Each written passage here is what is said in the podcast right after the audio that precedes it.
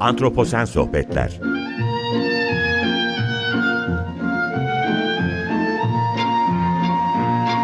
Hazırlayan ve sunan Utku Perktaş Merhaba, iyi akşamlar herkese. Antroposen Sohbetlere hoş geldiniz. Ben Utku Perktaş. Bugün krizler çağında yoksulluk ve insan hakları konusunu konuşmaya çalışacağız. Çok kıymetli bir konuğum olacak. İki kere programda ağırlamaya çalıştım kendisini. Tuğrul Özkaracalar. Bu konuyu farklı perspektiflerden konuşmuştuk. Bugün de e, birazdan açıklayacağım e, insan hakları, etik bu anlamda konuşmaya çalışacağız. Şimdi insan hakları özellikle içinde olduğumuz çağda yani antroposende insanın yaşadığı coğrafyada ya da genel olarak dünyada mutlu ve kendine yakışır bir yaşam sürmek için gerekli unsurları içeren bir kavram olarak tanımlanıyor.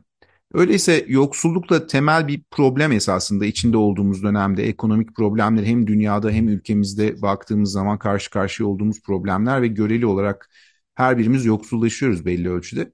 Bu durumda yoksulluk ile insan hakları arasında nasıl bir ilişki var sorusu e, benim aklımdaydı ve bu sorunun üzerine e, düşünmek esasında gezegenin geleceği için de önemli diye düşünüyorum. Çünkü antroposen diye tanımladığımız bu dönemde merkezde insan var ve insan dünyayı ciddi anlamda domine etmiş durumda. Farklı şekilde zarar veriyor diyeceğim. Ama bunun altında da ekonomik sebepler elbette ki yatıyor. Şimdi evet yoksulluk konusunun detaylarını iki farklı programda değinmiştik biraz önce söylediğim gibi. Bugün de konuya insan hakları bağlamında değineceğiz. Tuğrul Özkaracalar konuğum e, önemli bir perspektif katmıştı daha önceki programlarda. E, Tuğrul açıkçası kişisel olarak bunu belirtmem lazım. Çok kıymet verdiğim bir arkadaşım. Artık hani arkadaşım demekten çekinmiyorum çünkü e, çok çok çok iyi dost olduğumuzu düşünüyorum. Ve yoksulluk konusunda da önemli bir akademik geçmişi var. İstanbul'da Kadir Has, MEF, gibi üniversitelerde e, part-time dersler veriyor konuyla alakalı ve doktorası da bu konu üzerine. Önceki programları dinleyecek olursanız e, kendisiyle yaptım yine ayrıntıları orada bulabilirsiniz. Aslında bugün programda konuşacağımız perspektif 2022 yaz döneminde Yapı Kredi yayınlarının önemli serisi olan Kogito'nun 105. ve 106. sayılarında detaylı olarak işlenmişti yoksulluk konusu ve Tuğrul'un da e, bu bugünkü başlıkla alakalı e, önemli bir çalışması, önemli bir yazısı Kogito'da yayınlanmıştı. E, bunu da parantez açıp belirtmek istiyorum. Dinleyicilerimiz belki konuyu farklı perspektiflerden, farklı yazarlardan Turul dışında okumak isterlerse kaynak olarak Kogito'yu verebiliriz. E, bu yani yeri gelmişken bu referanstan da bahsetmek istedim burada. E, çok lafı uzatmayayım. Turul bekliyor. E, Turul hoş geldin. Tekrar vakit ayırdın bana ve ne kadar teşekkür etsem az olur. Nasılsın? Ben teşekkür ederim. Hoş bulduk. Çok teşekkürler. Soruları aslında bir miktar senle yayın öncesi konuşmuştuk. Dolayısıyla evet. ben bu minvalde yavaş yavaş başlıyorum ilk sorumla evet. beraber. Şimdi çalışma ve iş hayatı döngüsü diye bir döngüden bahsediyordu esasında senin yazını okuduğumda. Bu insan yaşamının önemli bir bölümünü kapsıyor esasında çalışma ve iş hayatı hepimiz için bu böyle. Bu insanın doğal yaşamına yaptığı bir ekleme gibi de algılanabiliyor. Yani sonuçta bizim yaşamımızı belli ölçüde doğal yaşamımızı, doğayla olan ilişkimizi farklılaştıran bir e, kavram gibi karşımıza çıkıyor. Peki eşitsizlikler burada mı ortaya çıkıyor ve insan hakları tam burada mı devreye giriyor? Bunu nasıl e, açıklayabiliriz? Bu şekilde başlayıp sözü sana bırakıyorum. Çok teşekkürler tekrar. Ben teşekkür ederim. Şimdi e, bu soruya cevap vermeden önce e, aslında sorunun başlangıcında çok önemli bir ayrımdan söz edilmiş. Çalışma evet. ve iş hayatı döngüsü şeklinde. E, günümüzde her ne kadar çalışma ve iş hayatı örtüşen kavramlar olsa da yani iş hayatından bahsederken çalışmak, çalışmaktan bahsederken aslında iş hayatından bahsetmiş oluyoruz. E, bunlar bir ve aynı kavramlar değiller. E, aslında çalışmak başka bir şey. E, iş hayatı, hani o İngilizceye e, business diye çevirebileceğimiz ya da bir işe sahip olmak diye çevireceğimiz şeyler birbirleriyle bir ve aynı şeyler değiller aslında. Örtüşen kavramlar değiller. E, yani insanlık tarihine baktığımızda görebildiğim kadarıyla e, en erken zamanlardan itibaren bir çalışma durumu söz konusu olmuş. Bir çaba sarf etme, bir aktif e, yaşam sürme, işte avlanma, e, bu avladıklarını toplama gibi bir tırnak içerisinde çalışma söz konusu olmuş. Ama tabii ki şimdi bunda çok vakit kaybedemeyiz. Bugün günümüzde çalışmadan anladığımız bizim daha çok bu iş hayatı dediğimiz bir işe sahip olma, hayatını idame ettirmek amacıyla e, bir işe devam etme, para kazanma şeklinde anlaşılıyor. Ben bunu sadece yani biraz da felsefeci kimliğimin e, getirdiği bir refleks olaraktan e, anımsatmak istedim. Ama biz şu anda kendimizi gerçekten de bu iş hayatı dediğimiz çalışmak, para kazanmak, e, bir işe devam etmek e, üzerinde yoğunlaştıralım. E, evet doğru, katılıyorum. İnsanın doğal yaşamına yaptığı bir ekleme. Yani kavramları çok fazla zorlamazsak, yani insanlık tarihinde çalışma hep vardıları bir kenara şimdi bırakacak olursak, doğru. Yani insanın doğal yaşamına yaptığı bir ekleme, bir iş sahibi olmak, bir işe gitmek, para kazanmak, iş dünyasında yer almak gibi kavramlar. E, ve yine katılıyorum soruda belirtilmiş olan e, cümleye, e, kısma. Bizi doğadan izole eden de bir süreç bu. Çünkü evet. doğada bu anlamda bir çalışma, iş hayatına sahip olma, işe gidip gelme, bunu bir rutin olarak yaşama yani yok gördüğümüz, anladığımız kadarıyla. Ee, eğer bu konularda uzlaşacaksak, uzlaşıyorsak yani çalışma ve iş hayatı denilen şey insan yaşamının önemli bölümünü kapsıyor bir. Bu insanın doğal yaşamına yaptığı bir ekleme iki. Ve bu bizi aynı zamanda doğadan da en azından bir ölçüde izole eden bir süreç üç. Eğer bunları kabul ediyorsak e, o zaman sorunun esas özüne gelebiliriz. Peki eşitsizlikler burada mı ortaya çıkıyor ve bağlantılı olarak da insan hakları tam burada mı devreye giriyor? Evet, tabii ki evet. E, eşitsizliklerden bahsettiğimizde e, tabii ki e, iş hayatı, çalışmak çok önemli ve ilgili kavramlar. E, insan hakları, hak, hukuk e, bunlarla çok bağlantılı kavramlar. Ama tabii ki sadece burada ortaya çıkmıyor. E, örneğin kadın ve erkek arasındaki e, insanlık tarihinin epey eski zamanlarına tarihleyeceğimiz bir eşitsizliğin çalışma ve iş hayatı döngüsüyle beraber ortaya çıktığını söylemek pek kolay değil. E, zaten var olduğu için çalışma ve iş hayatı döngüsünde kendisini tekrar etmiştir demek daha akla yakın gibi gözüküyor. E, o yüzden de yani e, dünyadaki var olan eşitsizlikleri ve insan hakları ile ilgili sorunları tabii ki senin de aklında bu olmadığını zannediyorum. Yani sadece çalışma ve iş hayatı döngüsüyle sınırlandırmak, örtüştürmek tabii ki mümkün değil. Eşitsizlik dediğimiz insan hakları sorunları dediğimiz kavramlar çok daha temel, çok daha geniş bir alana yayılan e, konular. Ama gene kendimizi konudan ve sorudan uzaklaştırmayalım. İş hayatından ne zaman bahsedersek, insanın bu çalışması dediğimiz olgudan ne zaman bahsedersek, eşitsizlikler ve insan hakları ile ilgili sorunlar karşımıza bütün çıplaklığıyla ve bütün somutluğuyla çıkıyor. Ve bugün günümüzde eşitsizlik dediğimizde, insan hakları dediğimizde e, konuştuğumuz konuların çok büyük bir yüzdesi, yani diyelim ki yüzde sekseni ya da yüzde doksanı, evet bu çalışmak, iş hayatı, para kazanmak, işte emek, iş bu gibi alanlardan çıkıyor diyebilirim. Anladım. Çok teşekkürler. Bunu söyleyebilirim. O zaman şimdi şuna geçmek istiyorum. Şimdi insan türü yoksulluk kavramı açısından miyop olarak tanımlanabilir mi? Yani geleceği çok göremeyen, biraz bu anlamda öngörüsü eksik ya da görme özürlü ya da görme engelli bir e, tür olarak tanımlayabilir miyiz? Çünkü gelecek öngörümüz yok gibi ve bu durum farklı yani coğrafi olarak farklılık gösteriyor mu? Coğrafi olarak bir varyasyon sergiliyor mu acaba? Çünkü eşitsizliklerin en yoğun olduğu coğrafya mesela Orta Doğu coğrafyası her zaman eşitsizliklerin en yoğun olduğu coğrafya olarak tanımlanıyordu. Ben burada referans olarak göstereyim. Daha önce Doğru. iklim değişimi ve Orta Doğu politikaları anlamında Soli Özel'le konuşmuştuk. O eşitsizlikler anlamında dünyadaki birinci sıradaki yerlerden birisinin ya da ön sıralardaki yerlerden birisinin Orta Doğu olduğunu söylemişti. Evet. O anlamda acaba insan türü tekrar edeyim yoksulluk kavramı açısından miyop olarak tanımlanabilir mi acaba? Öngörüsü bu anlamda olmayan ve gelecekle ilgili problemleri olan. Tabii ki, tabii ki. Bu insan türünün böyle bir miyopluğunun olduğunu e, kabul ederim, bunu desteklerim. Şöyle e, detaylandırabilirim. E, insan türü dediğimizde öncelikle bir e, canlı türünden bahsediyoruz e, hayvanların memeliler alt grubuna dahil olan değil mi? Böyle böyle devam edebiliriz. Tabii tabii. E, yani insan çok gündelik ağızla konuşacak olursak insan öncelikle bir hayvan. Elbette.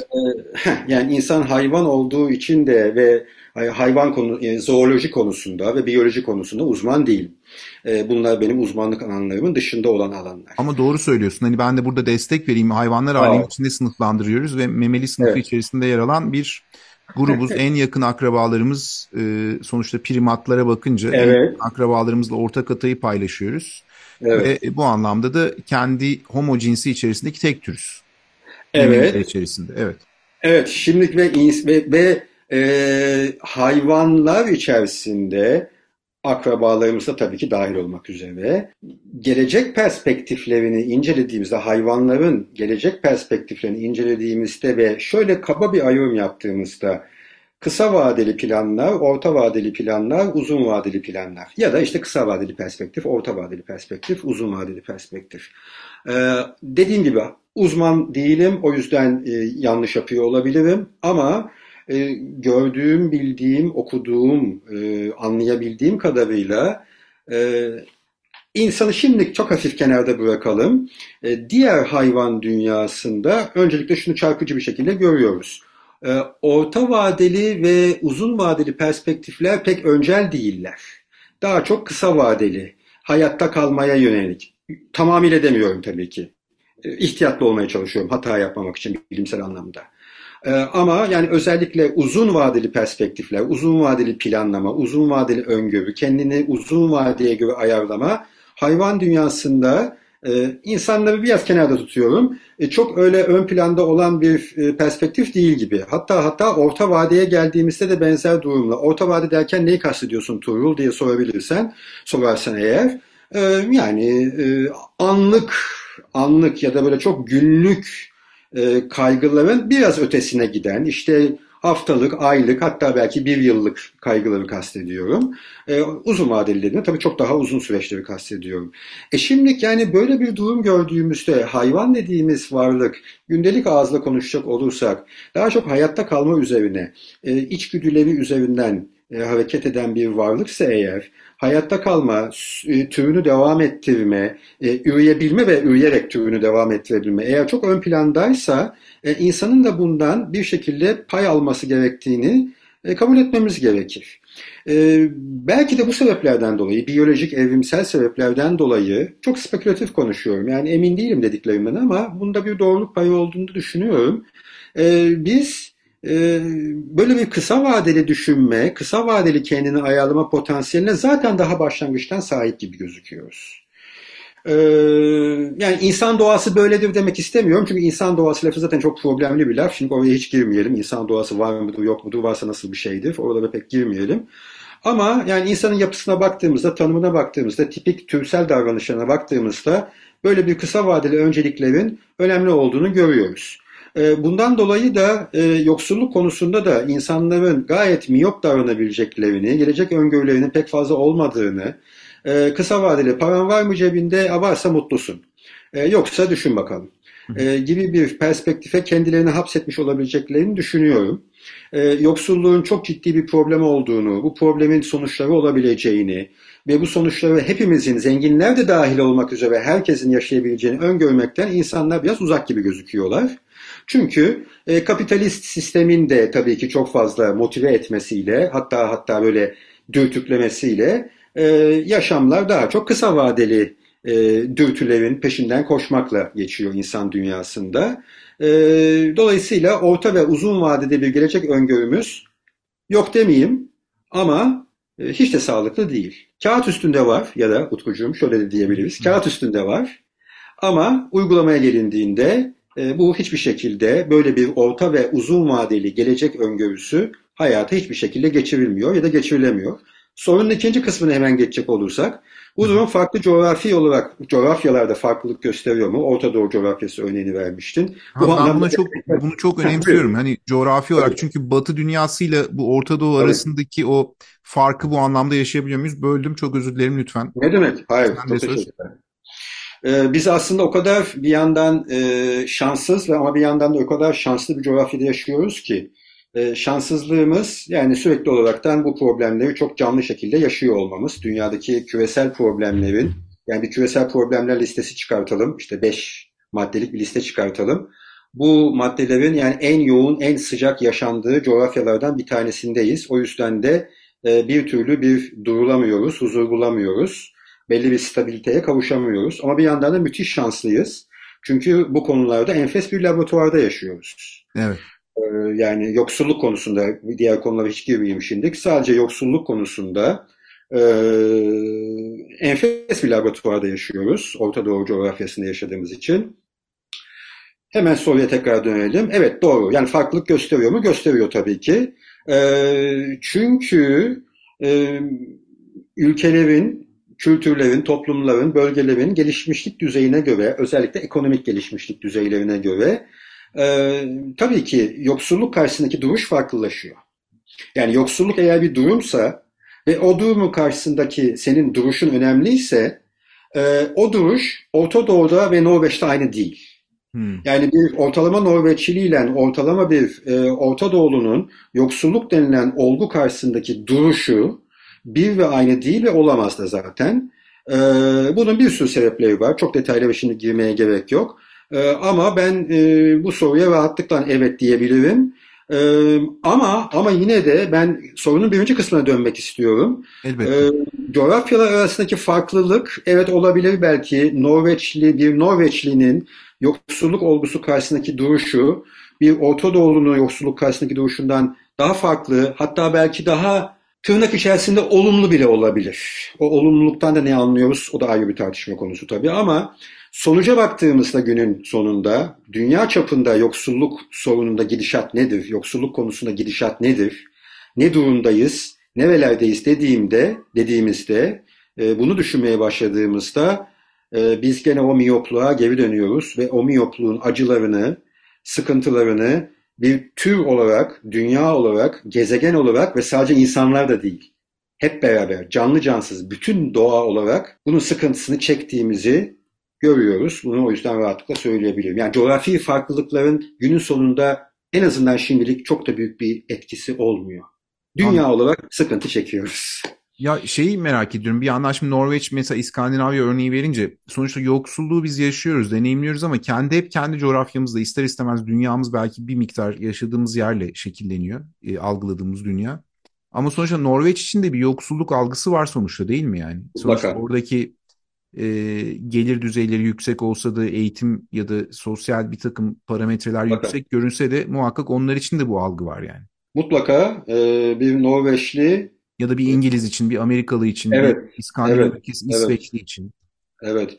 E, gerçekten gerçekten aydın bir Norveçli, örneğin Norveç'ten başladık, Norveç diye devam edelim. Bu zaten bir örnek. Elbette.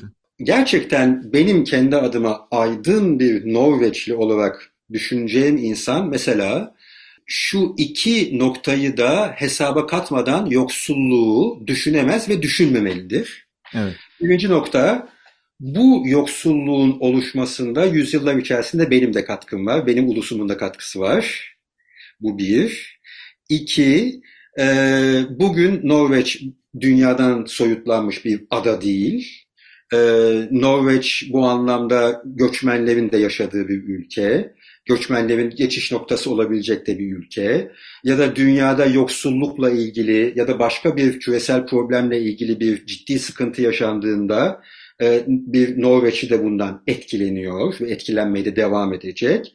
E, o yüzden de yani yoksulluğu bir Norveçlinin hiçbir zaman aydınlanmış gerçekten de aydın bir Norveçlinin hiçbir zaman e, yani bu iki durumdan bağımsız düşünemeyeceğini ve düşünmemesi gerektiğini iddia ediyorum. Bir tekrar hatırlatmak gerekirse bu olgu benim karşımda duran bu yoksulluk olgusunun yaratılmasında benim toplumun, benim yöneticilerimin, benim kültürümün de bir etkisi oldu, bir katkısı oldu.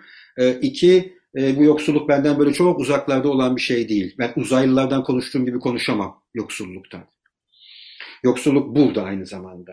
Norveç'te de aynı zamanda ve hemen şu anda olmasa bile hemen Norveç'te de olabilir ve Norveç'te ya da kendisini bir şekilde hissettirebilir. Çok teşekkürler Turul. Şimdi ben e, e, senin e, makaleni okuduğumda şöyle bir şey de gelişmişti. Notları aldım Hı-hı. notları hani soruların arasına eklemedim ama bunu da burada belki Hı-hı. söylemek doğru olacak. E, Şimdi yoksulluğun arttığı yerlerde yani gerek göreli yoksullaşalım gerek mutlak yoksullaşalım. Evet. Önceki programlarda bunların tanımlarını evet. vermiştik tekrar o yüzden sormadım. Evet. İnsan nüfus artışı da artıyor ve bu coğrafi varyasyon desenine baktığımız zaman yoksulluk açısından dünyada insanlar belli ölçüde darboğaza giriyor bu toplumlar. Ve bu noktada çevreye verdikleri zararın da ben hep arttığını düşünüyorum. Yani ister istemez bu bir takım şeyleri böyle tetikliyor ya da e, e yani tetikliyor. Yani onların sonuçta bu yoksulluğu giderebilmek için ya göçle ya e, doğal yaşama belli ölçüde zarar vererek e, e, gibi şeylerle e, bugün yaşadığımız küresel çevre problemlerinin de tetiklendiğini düşünüyorum. Yanılıyor muyum bilmiyorum. Senin fikrini bir hızla sormak istedim. Bu akışta olan sorulardan birisi değildi ama e, benim makaleyi okurken. Çok iyi oldu bence. Ee, orada bu eklemeyi de aslında yapmak lazım. Yine ben de kısaca hemen e, yapmaya çalışayım. Ee, yoksulluğun insansal boyutu ve etik boyutu. E, dediğimiz anda bunlar birbirlerinden kopuk boyutlar değiller. E, birbirine epey benzeyen boyutlar tabii ki. Ama insansal boyut dediğimizde e, mesela sen az önce göçmenlik örneğini verdin. Evet. E, bu insansal boyuta verilebilecek örneklerden bir tanesi. Yani insanları, insan türünü doğrudan ilgilendiren boyut bu. Dolaylı yoldan demeyelim de doğrudan ilgilendiren boyut. Doğrudan ona değen boyut. Ama etik boyuta geldiğimizde e, çok farklı bir boyuttan konuşmuyoruz ama daha kapsamlı, daha böyle öteye gitmiş e, bir boyuttan bahsediyoruz. E, işin içerisine insan dışındaki e, doğal varlıkları da sokuyoruz tabii ki. Bu doğal varlıklar canlı olabilir, cansız olabilir. E, ikisini de kapsıyoruz. Bunu her zaman hatırlatmak isterim. Yani sadece aklımıza diğer hayvanlar ve bitkiler gelmesin. Nehirler, dağlar, bulutlar tabii, tabii ki gelecek burada. E, ekosentrik bir yaklaşımla, eko yani değil mi? Ekoloji yaklaşımı. Elbette, elbette. Çevreyle olan ilişkilerimiz anlamında. Evet, evet. Yani işte etik boyut burada zaten devreye giriyor. Etik boyut dediğimizde e, insan dışındaki her türlü doğal varlığı e, işin içine katmaya başlıyoruz. E, yani ben zaten bir insan olarak e, doğadan kopuk değilim. Bunu e, söylemiştik. Bir kere daha hatırlatmakta fayda var. E, yani biz işte biz sol tarafta duruyoruz, doğa sağ tarafta duruyor ve sol tarafta duranla sağ tarafta duran böyle işte birbirleriyle ilişki içerisindeler. Böyle bir şey yok. Yani insan tam da doğanın içerisinde, doğanın ortasında, doğanın bir üyesi, doğayı eğer bir komünite olarak göreceksek, canlı cansız varlıklardan oluşan bu komünitenin bir üyesi e, dolayısıyla yaptığı her şey içinde bulunduğu doğayı, çevreyi yani işte nature diyelim, environment diyelim. Elbette. E, bunları etkiliyor. E, o yüzden de e, yoksulluktan konuşmaya başladığımızda eğer bir bölgede yaşayan insanlar yoksulsa ve bu yoksulluklarının altından kalkabilmek için oradaki ağaçları fütursuzca kesiyorlarsa, kesmek zorunda kalıyorlarsa, ağaçlar bittikten sonra bir süre rahatlayıp bir seferde gözlerini oradaki nehre, ırmağa çeviriyorlarsa, e, işte buyurun size yoksulluğun etik bir boyutu.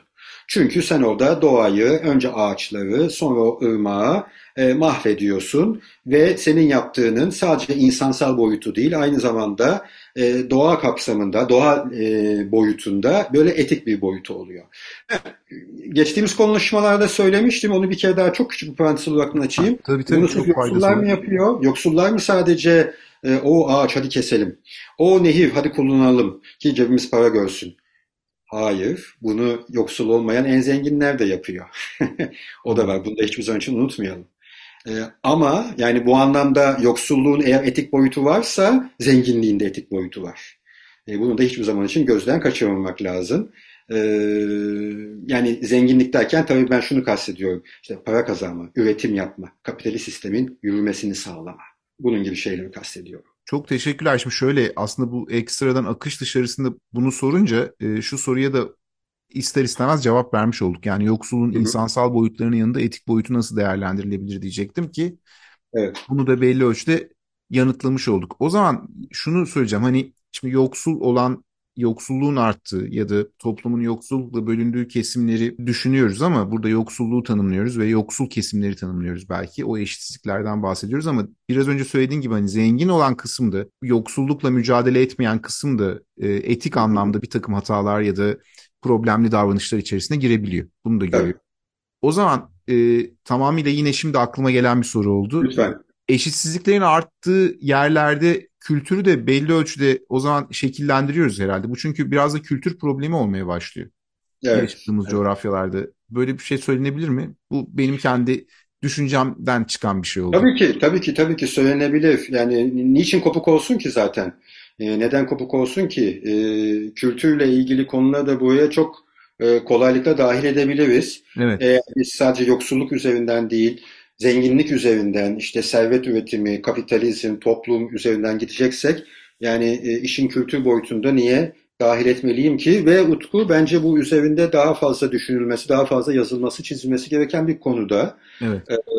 E, işin kültür boyutu. E, benim uzmanlık alanımın biraz dışına kaydığı için yine ihtiyatlı davranmaya çalışıyorum. Ama özellikle Aynen. sosyoloji alanından, mesela sosyoloji alanından örneğin ilk aklıma gelen e, çok ciddi katkılar da yapılabilir. Bilmiyorum sen ne dersin? Yo ben de yani kültürü ben şu, şu, şu yaşadığımız çağda e, bir 20 yıl önceye göre kültürü dönüştürdüğümüzü düşünüyorum ben. Ve kültür belli ölçüde e, nasıl tanımlanıyor deyince hani bugünkü programın konusu değil bu tabii ama şimdi pat diye çıkıverdi. Yo yo iyi oldu iyi oldu. Bellek bellek olarak tanımlamak benim en mantıklı e, e, Hmm. kısmı olarak bana geliyor ve aslında eşitsizliklerin arttığı yerde insanlar biraz belleğini de e, bu konuda kaybettiğini düşünüyorum. Çünkü hayatta kalmaya çalışıyorlar.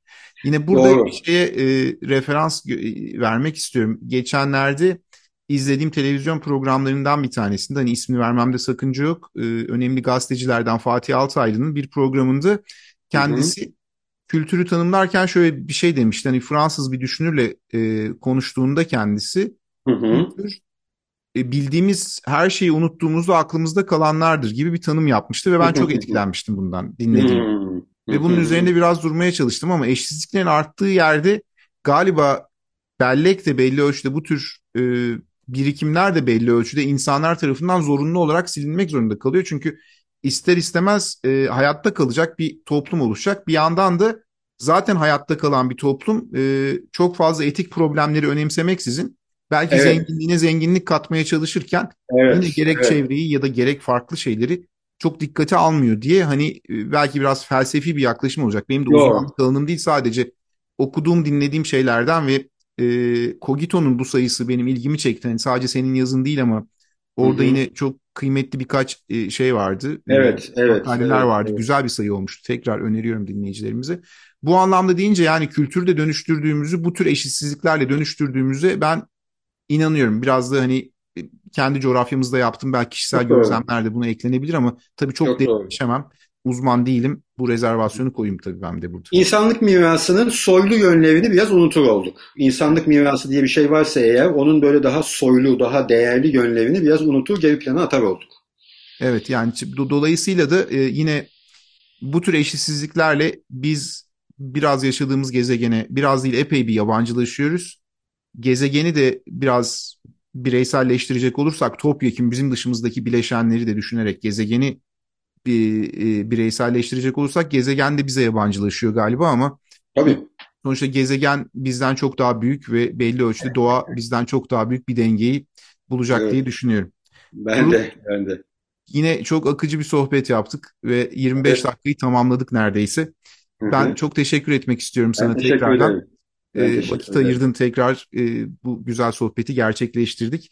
Ben bu Evet. vesileyle dinleyicilerimize bir daha e, hatırlatmak istiyorum. Hani konu hakkında daha önceki e, haftalarda diyeyim, geçtiğimiz yılda, e, daha önceki yıllarda programın akışı içerisinde iki farklı programı yapmıştık. Yoksullukla ve burada esasında Turul'un perspektifinden iyi bir külliyat da biriktirdik diye düşünüyorum. Burada hemen sana son bir soru, kısacık. Tabii. Şimdi böyle üç bu programda üç program yapmış olduk ama konuyla alakalı e, çok hani tarzım değil hiç diğerlerine sormadım ama diğer katılımcıları böyle bir şey biriktirdiğimiz için söylüyorum. Hani dinleyicilerimiz okumak isterse bir şeyleri senin kütüphanen de bu konuda çok zengin. Ben de gördüm. Sağ olasın. Teşekkür ederim. Gerçekten de hani çok keyifliydi. E, önereceğin bir kitap olur mu? E, kitaptan ziyade e, ben aslında e, Hacettepe Üniversitesi ve Maltepe Üniversitesi'nin unutulmaz hocalarından Yohanna Hanım'ın, Yohanna Kuçuvade'nin Evet.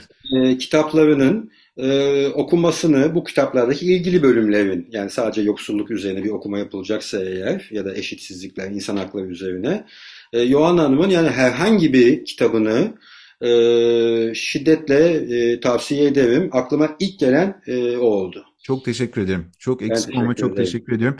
Ee, evet bugün konuğum Turul Özkaracalar'dı. Yoksulluk üzerine konuştuk. Ee, bu konuşmalarımız hani gündem böyle de devam ettikçe Hı hı. Turul'un da üretimleri böyle devam ettikçe ben de okudukça merak uyandıracağım için tekrar devam edecek diye düşünüyorum. Ben yine kendisini İnşallah. eminim programda. Ee, çok teşekkürler hepinize. Bugün Antroposen sohbetlerin sonuna geldik. Önümüzdeki haftalarda buluşmak üzere. Hoşçakalın. İyi akşamlar diliyorum. İyi akşamlar.